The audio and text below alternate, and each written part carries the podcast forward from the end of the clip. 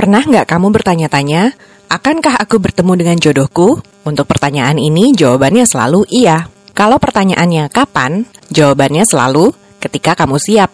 Jika pertanyaannya seperti apa jodohku nanti, jawabannya sesuai dengan energi, frekuensi, dan kebutuhanmu. Jadi, jangan mengeluh lagi tentang jodoh ya.